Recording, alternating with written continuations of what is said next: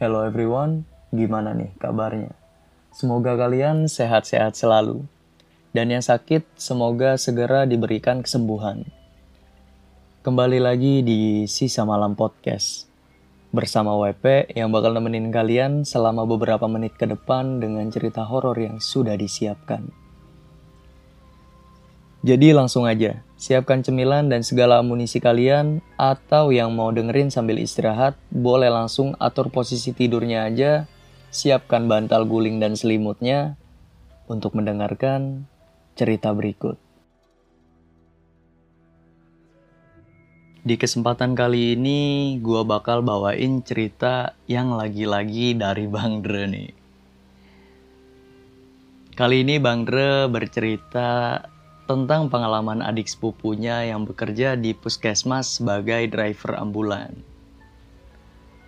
Tapi seperti biasa, sebelum masuk ke ceritanya, buat kalian yang belum follow, boleh langsung follow aja Spotify-nya Podcast Sisa Malam dan jangan lupa nyalain lonceng notifikasinya. Serta kasih rating bintang 5 sebagai tanda support kalian terhadap podcast kami. Terima kasih. Oh iya, Buat kalian juga yang mau berbagi cerita, boleh langsung kirim aja via email yang ada di deskripsi. Oke, kita masuk ke ceritanya.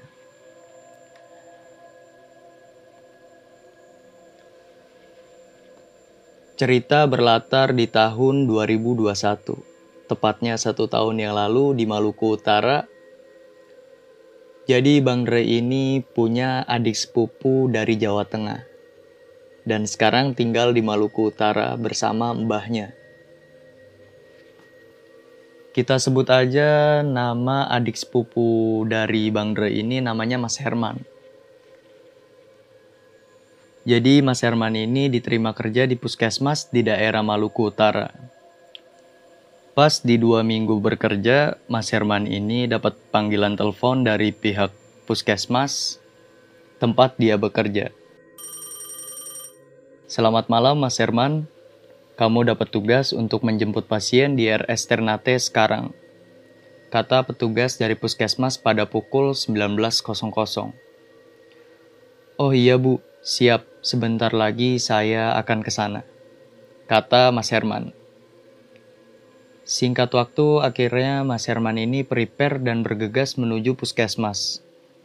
Setiba di puskesmas, Mas Herman ini bersiap-siap untuk berangkat ditemani oleh salah satu perawat dari puskesmas. Kita sebut aja perawat yang nemenin Mas Herman ini namanya Mas Oka.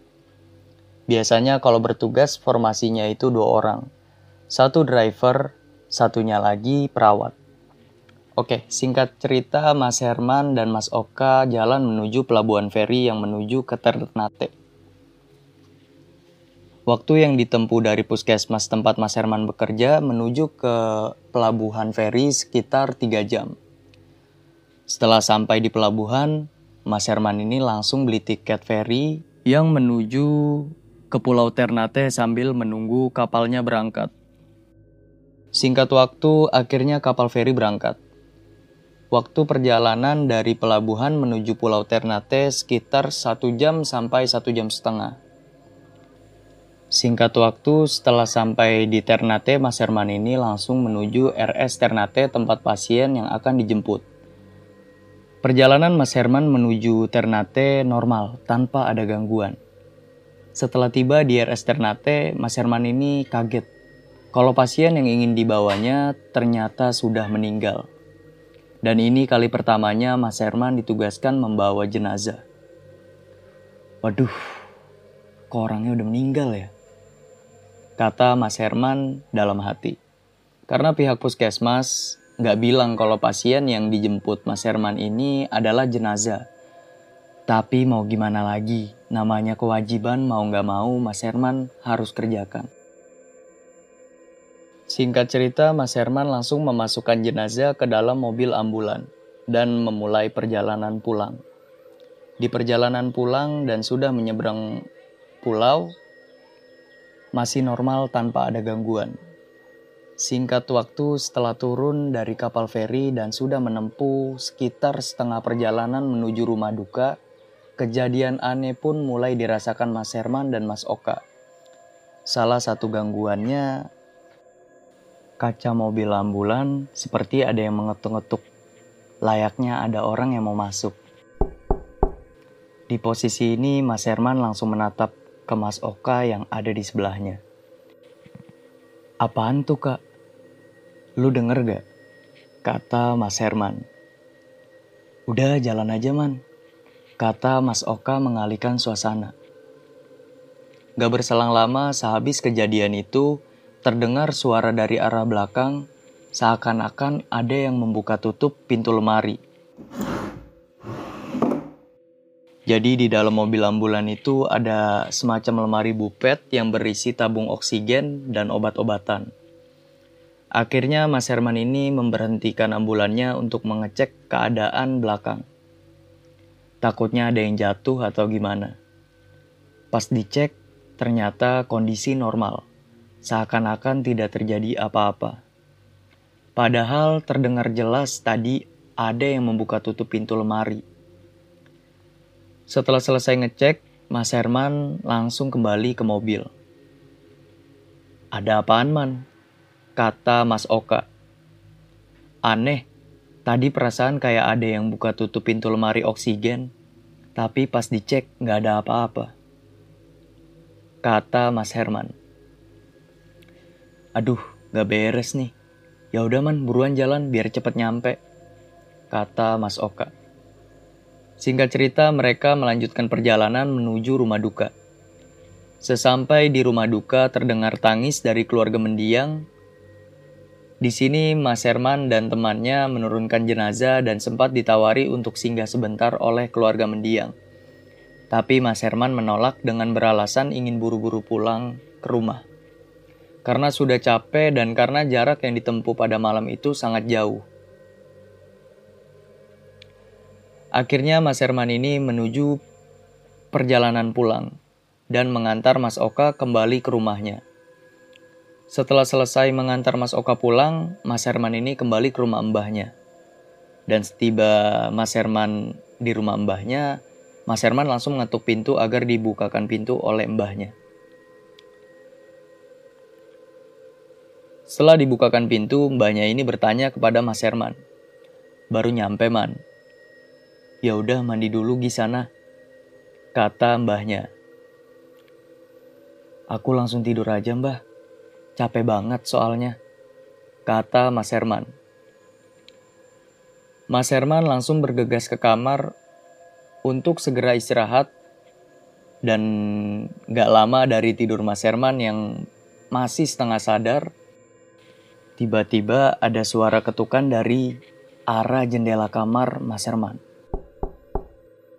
Sontak Mas Herman langsung membuka jendela untuk mengecek sekitarnya. Pas dicek, ternyata nggak ada apa-apa. Mungkin orang iseng, pikir Mas Herman waktu itu. Tak berselang lama tercium bau sangat wangi seperti bau kembang. Padahal di sekitar rumah Mas Herman gak ada tanaman sejenis kembang. Tak cukup sampai di situ. Kini Mas Herman mendengar suara siulan yang beriringan dengan suara burung di samping rumahnya. Jadi burung yang didengar Mas Herman adalah burung kedasi. Burung kedasi menurut sebagian orang Jawa dan sebagian orang Jawa ini menyebutnya dengan burung titir yang kalau diartikan kata titir itu artinya pertanda atau peringatan. Biasanya kalau burung ini berbunyi di atas rumah seseorang, di dalam rumah itu biasanya ada satu dari keluarga itu sakit atau meninggal. Oke lanjut. Seakan tak cukup, kejadian aneh yang dialami Mas Herman ini masih berlanjut. Terdengar dari depan rumah Mas Herman, tepat ia memarkirkan ambulan, ada suara seperti pintu ambulan yang sedang dibuka tutup. Disambung dengan suara sirine yang tiba-tiba berbunyi dengan sendirinya. Setelah banyak kejadian aneh yang dirasakan pada malam itu, timbul ketakutan pada diri Mas Herman. Sebenarnya dengan sangat terpaksa Mas Herman ini mengecek keadaan ambulan di luar rumah. Walaupun saat itu Mas Herman sangat takut. Dalam posisi sangat ketakutan, Mas Herman ini berbicara ke sembarang arah, berharap untuk menyudahi kejadian aneh ini. Woi, udahlah, gak usah ganggu-ganggu. Kan udah saya anterin sampai rumah. Kata Mas Herman. Selesai Mas Herman mengucapkan ucapannya tadi, kejadian aneh pun seolah-olah berhenti. Singkat cerita, pagi pun tiba. Ketika Mas Herman bangun, Mas Herman ini ngerasa kalau badannya ini pegel-pegel dan gak enak. Dan dia memutuskan untuk pergi ke tukang urut. Setiba di tukang urut, kita sebut aja nama tukang urutnya ini Pak No. Pak No ini bertanya kepada Mas Herman, Kenapa man? Kata Pak No. Anu pak, badan saya pegel-pegel, mau diurut. Singkat cerita, setelah badan Mas Herman ini dipijit atau diurut sama Pak No, Pak No ini bertanya lagi nih kepada Mas Herman. Tadi malam abis rujuk ya? Kata Pak No. Iya pak bener, kok bapak tahu? Kata Mas Herman. Iya, ini ada yang ngikut. Kata Pak No. Siapa pak? Kata Mas Herman dengan sangat penasaran. Yang tadi malam kamu antar, kata Pak No. Terus cara biar dia nggak ngikut gimana pak? Kata Mas Herman. Singkat cerita, setelah dipijit atau diurut sama Pak No, Mas Herman ini dimandikan air kembang dan diberikan air, semacam air doa mungkin ya. Setelah selesai, Mas Herman ini kembali ke rumah dan meminum air yang diberikan sama Pak No tadi. Setelah minum air dari Pak No, badan Mas Herman ini merasa enakan. Jadi Pak No ini kayak memiliki kemampuan lebih dalam hal gaib. Jadi dia tahu kalau Mas Herman ini diikuti arwah yang tadi malam diantar sama Mas Herman. Sebenarnya Mas Herman ini setelah pulang kerja biasanya mandi dan membersihkan ambulannya. Tapi mungkin karena malam itu dia udah capek dan milih langsung buat istirahat aja. Nah, sebenarnya juga sebelum Mas Herman dapat pekerjaan sebagai driver ambulan, maksudnya sebelum dia apa ya diterima gitu, dia sebenarnya udah bilang kan ke mbahnya kalau di sini tuh dia kerja di puskesmas sebagai driver ambulan. Nah, mbahnya ini udah wanti-wanti sama Mas Herman. Kalau sehabis nganter jenazah minimal kamu ngucap, udah ya, saya udah anterin kamu. Semoga tenang-tenang di alam sana. Kayak semacam doa gitu.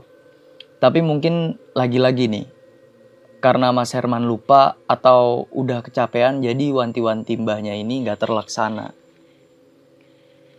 Oke, Mungkin segitu dulu cerita dari Bang Dre yang menceritakan pengalaman adik sepupunya sebagai supir ambulan. Menurut gua cerita ini sangat-sangat creepy. Hah, karena apa ya? E, gangguan yang dialamin Mas Herman ini terus menerus gitu. Sampai dia balik ke rumah aja masih diteror terus kan. Tapi kalau kata Bang Dre, arwah yang gangguin Mas Herman ini sebenarnya mau berterima kasih kepada Mas Herman karena udah mau nganterin dia ke keluarganya. Jadi gitu. Cuma menurut gua caranya sangat creepy sampai-sampai Mas Herman dibuat takut kayak gitu kan. Hah, gimana kalau menurut kalian? Oke, sekian dulu ceritanya. Terima kasih banget buat kalian yang udah mau dengerin. Semoga dilancarkan rezekinya, disehatkan badannya, dan dipermudah segala urusannya. Mohon maaf banget kalau ada salah-salah kata, kata-kata yang sering terulang, dan suara-suara yang mengganggu saat kalian mendengarkan cerita. Gua WP dan segenap tim yang bertugas pamit undur diri. See you next time. Peace. Dadah.